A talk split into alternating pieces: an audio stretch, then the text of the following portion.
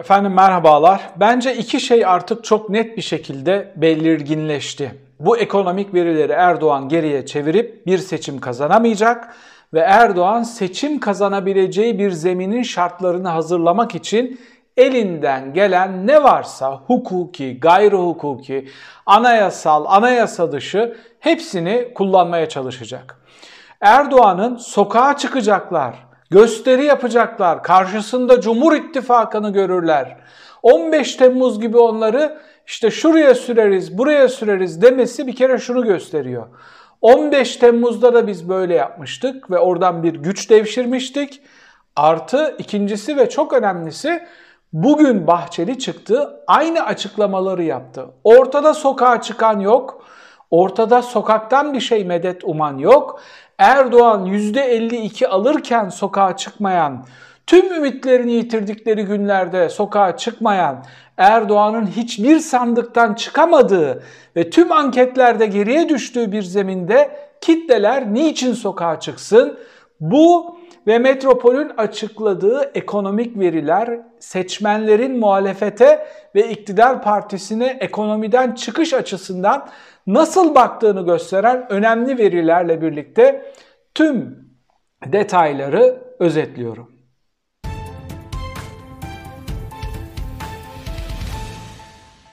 Şimdi muhalefet cephesine baktığımızda enteresan pazarlıkların döndüğü, kim aday olacak, biz ittifaka girelim mi, seçimi kazandık diyelim, geçiş süreci nasıl olacak, geçiş sürecini başarıyla atlatabilmemiz için işte şu kadar milletvekilimizin olması ve referanduma gidip parlamenter sisteme dönmemiz gerekiyor. Şayet bu kadar milletvekilimiz olmazsa geçiş sürecinden sonraki yol haritamız ne olacak gibi soruları tartışıyorlar. Yani seçimi kazandınız, demokratik seçimler vuku buldu. Seçimi kazandınız, ondan sonra parlamenter sisteme nasıl geçileceğini çok iyi bilemediğimiz için ortak aday belirleyemiyoruz. Ortak bir çıkış noktası ve yol haritası belirleyemiyoruz. Benim anladığım özet bu mu? Öncelikle şu seçime bir konsantre olmanız gerekiyor. Ondan sonra mal paylaşımı nasıl olacak? Makam paylaşımı nasıl olacak? Başkanlık, bakanlık, başbakanlık kime kalacak? Bunu tabii ki protokole dökün. Bunu ben de tavsiye ediyorum. Tabii ki Almanya'daki anayasa tar- e, düzeltiyorum koalisyon tartışmaları ve protokolü gibi böyle bir protokolünüz olsun. Ama lokomotif gündeminiz bu değil. Lokomotif gündem şu. Erdoğan Mansur Yavaş'ı yemeği gözüne almış. Muhtemelen İmamoğlu'nu yemeği gözüne almış Bahçeli de ben arkandayım yürü diyor. Yani Millet İttifakı'nın potansiyel açık ara seçim kazanabilen adaylarının altını oymaya başlamışlar. Şimdiden de parmak gösteriyorlar size. Sakın sokağa çıkmayın diyorlar. Biz bu hamleleri yapacağız. Sakın sokağa çıkmayın. Şimdi Babacan'ın açıklamalarına bakıyorum. Henüz Millet İttifakı içinde değil. İşte o yol haritası hassasiyeti, referandumu nasıl yapacağız? İşte böyle sınırlı bir ittifak olsun. Çok güzel. Bunların hepsini takdir ediyorum. Detaylı bakmanız çok güzel. Detaylı protokoller de yapın ama tüm bunlar seçime hazırlık tartışmalarınızın önüne geçmemeli. Tüm bunlar lokomotif tartışacağınız konular değil. Bunları kendi aranızda bile bir centilmenlik anlaşması yaparak, bunu protokole dökerek e, yolunuza devam etmeniz gerekiyor. Zira diğer taraftan Erdoğan'ın yaptığı açıklamalardan sonra bugün Bahçeli çıktı dedi ki ortada hiçbir şey yokken hükümeti ve devleti hedef alan sokak hareketlerine canımızla kanımızla direnmesini de çok iyi biliriz. Kim? Kim sokak hareketine girmiş? Bakın bunlar Türkiye'yi bir zemine hazırlıyorlar. Bu söylemler, bu sokak çağrısı, bu sokak vurgusu, sokağa ineriz, sizi süreriz, dökeriz, kanımızla, canımızla kime savaş açıyorsunuz? İlk defa iktidarı kaybetme ihtimaliniz belirdi diye kendi halkınıza savaş mı açacaksınız? Muhalefet senelerdir seçim kaybediyor. 20 senedir seçim üstüne seçim kaybeden muhalefet dersini çalışıp tekrar sandıktan sonuç çıkartmaya çalışıyor. Siz ilk defa seçim kaybetme ihtimaliyle burun buruna geldiğiniz için halkın karşısına çıkıp kanınızla ve canınızla mı savaşacaksınız? Belediye başkanlarını görevden almak bir şey değil. Yapmayı planladıkları şey onları seçim yasaklısı haline getirmek. Bakın görevden alma süreçlerinde terörle iltisaklı damgası vurmak istiyorlar onlara. Şimdi Yüksek Seçim Kurulu, şimdi Anayasa Mahkemesi bu adamları seçime sokmayacak kararlar alırlarsa bu ülkenin geleceğine yönelik nasıl tarihi kırılmalara imza atacaklarının farkındalar mı? Bu ülkede Ekrem İmamoğlu ve Mansur Yavaş aday yapılamaz hale getirilirse aynı zamanda bu ülkede şeffaf, denetlenebilir, rekabetçi, seçimlerin de vuku bulmama ihtimalinin olduğu sinyallerinin verilmiş olacağını almamış mı olacağız? Bu motivasyonla demokrasiyi nereye taşıyacağız? Bu motivasyonla yani halkın, gençlerin tüm kurumdan, anayasadan ve hukuktan, demokrasiden tüm ümidini yitırıp sokağa çıkartacak, onları sokağa dökecek hamleleri yapacak ve ondan sonra da askeri polisi karşılarına yakıp kan mı dökeceksiniz? Bu mu senaryonuz? Şimdi muhalefetin yapması gereken şey şu. Görünen o ki, görünen o ki şu seçimi kazandık, malı paylaşırız, geçiş süreci şöyle olsun bunlar bana öyle komik gelmeye başladı ki artık. Bunları bir köşede tartışın, bunları bize söylemeyin çünkü gidişat farklı bir istikamete doğru yol alıyor. Şimdi görünen o ki ne Mansur Yavaş aday olabilecek ne Ekrem İmamoğlu aday olabilecek. Yani Millet İttifakı bunları istiyoruz aday yapalım diyemeden muhtemelen onların altındaki halılar çekilecek ve siyasi yasaklı haline getirilecekler. Getirilemeyebilirler mi? Yanılmış olurum ve inşallah yanılırım. Ama istikamet o yönde gidiyor. Erdoğan'ın da Bahçeli'nin de açıklamalarından ben bu endişeye kapılıyorum. Şu anda çok sert tepki vermeniz gerekiyor. Çıkacağız. Bir kere aklınıza gelebilecek hangi aktörler varsa hepsini harekete geçireceğiz ve bu gidişatın normal bir gidişat olmadığı ve bu gidişatın ülkeyi gerçekten kaosa sürükleyeceğinin altını çizeceğiz ve bunun normalleştirilmesine izin vermeyeceğiz. 2. Bunların aday olamama ihtimali üstüne hesap yapıp kazanma opsiyonu olabilecek olan adaylar listesini çıkartıp B, C, D, Z planlarını yapıp karşınızdaki otokrat liderlere karşı bu şekilde hazırlanmanız gerekiyor. Bu hamleyi yapan şu hamleyi de yapar bakın. Yani bu iki belediye başkanını siyasi yasaklı haline getirip aday yapmayacak olan aktörler seçimdeki sayım sürecini, güvenlik sürecini de sizin hesapladığınızın çok dışına çıkartıp farklı bir yere taşıyıp oralara sizi sokmadan oldu bittiye getirip masa başında farklı şeyler de açıklama risklerini de alabilirler. Halkın seçtiği, başarılı bulduğu ve belki de devlet başkanı olarak görmeyi hayal ettiği, açık ara ön plana çıkarttığı aktörleri siyasi yasaklı haline getirme, insanları sokağa çekme planları yapanların yapamayacağı plan yoktur. Başarabilecekler mi? Başaramayacaklar. Bakın bu ülkeyi bu şartlar altında, bu rezil konuştuğumuz çok utanç verici hamleler altında elinize geçirseniz bile yönetme imkanınız yok ki elinize geçirebileceğinizi de tahmin etmiyorum. Yapabilirler mi diyor herkes.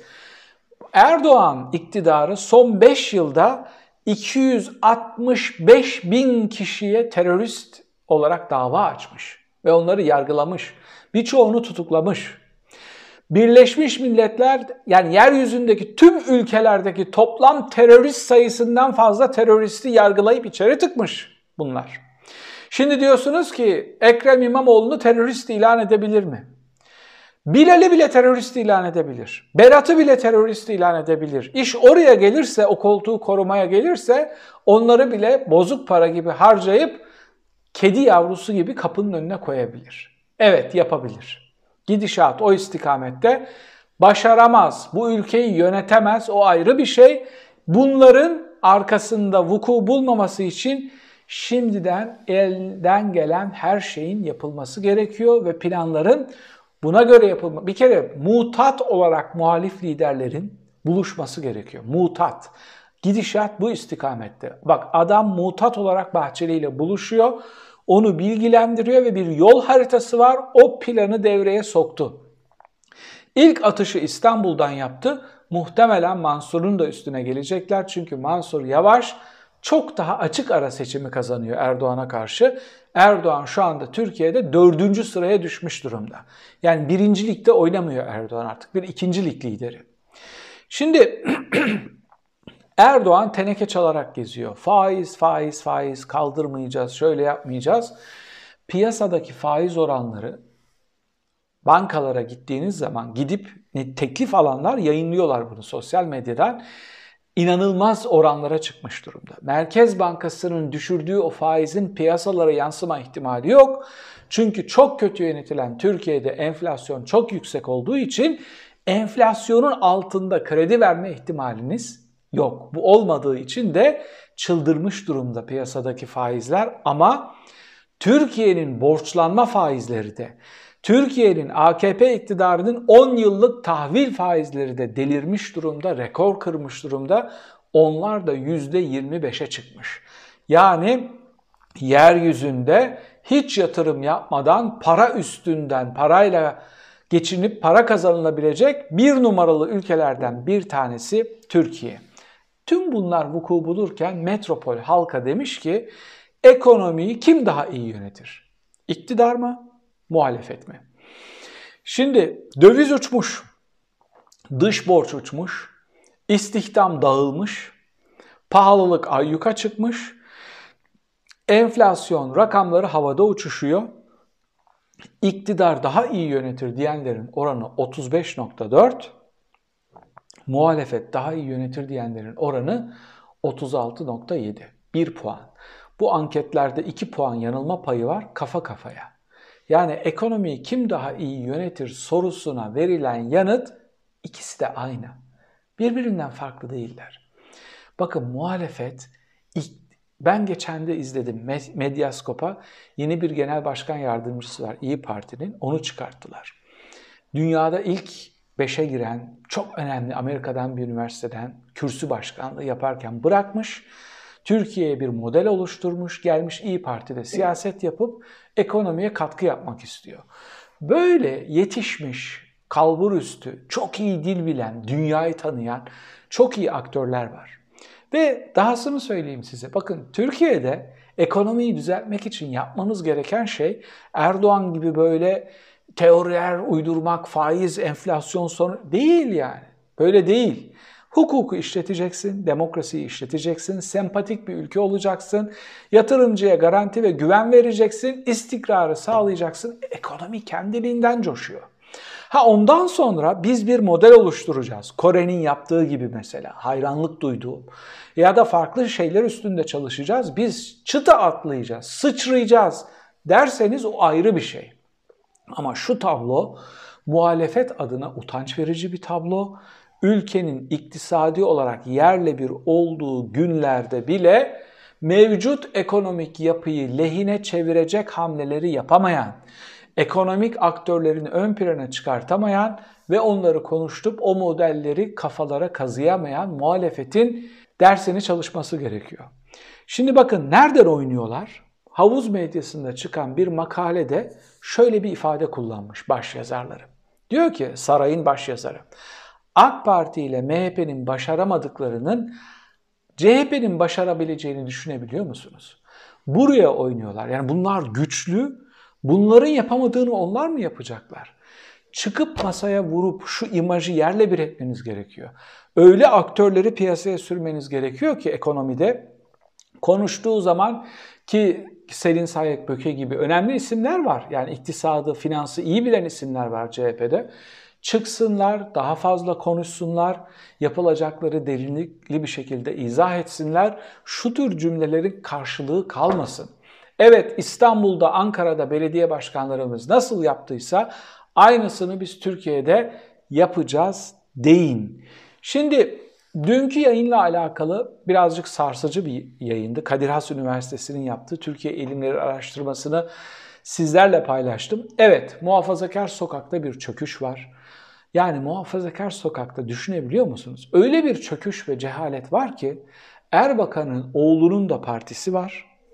Haydarbaş'ın oğlunun da partisi var. Yani o kadar alıcısı var ki bu muhafazakar sokakta bu tür siyasetin herkes soyadına bile güvenerek net bir şekilde parti kurabiliyor. Hadi Erbakan'ın oğlu bir gömlek üstün diyelim. Haydarbaş'ın oğluyla mukayese etmemiz yanlış olur. Ama soyadlarıyla çıkıp parti kurabilen aktörler var muhafazakar sokakta hala. Şimdi bu endişeli muhafazakarları çok fazla kafanıza takmayın. Hani bu kazanımlarımızı kaybeder miyiz sahipleriyle reislerine sarılmış olanlar var ya. Onlar hiçbir zaman dönmeyecekler. Onların o girdiği tadını aldıkları VIP'den çıkmayacaklar. Ülke batsa da çık çıkamazlar çünkü. Eski sokaklarına dönemezler. Onun için bir kabiliyetleri de yok. Bilimsel, sanatsal, toplumda bir karşılıkları da yok. Kolay para kazanabilecekleri yoldan çıkma şansları yok. Ama bu iktisadi çöküşle birlikte kimlik sorunu yaşayan kararsızlara çok iyi çalışılması gerekiyor. Endişeli muhafazakarlar üstüne proje yapmayın. Şu kararsızlar üstünden bu ülkeyi kurtaracak hikayeleri onlara anlatın. Sorum şu, yedek adaylar belirlenmeli diyorum ben. Erdoğan siyasi yasaklar getirebilir. Siz bu yedek adaylar getirilmeli, belirlenmeli, bir liste hazırlanmalı. Teklifimi nasıl değerlendiriyorsunuz? Yorum köşesinde bunları tartışabiliriz. Bir sonraki videoda tekrar birlikte olmak üzere efendim. Hoşçakalın.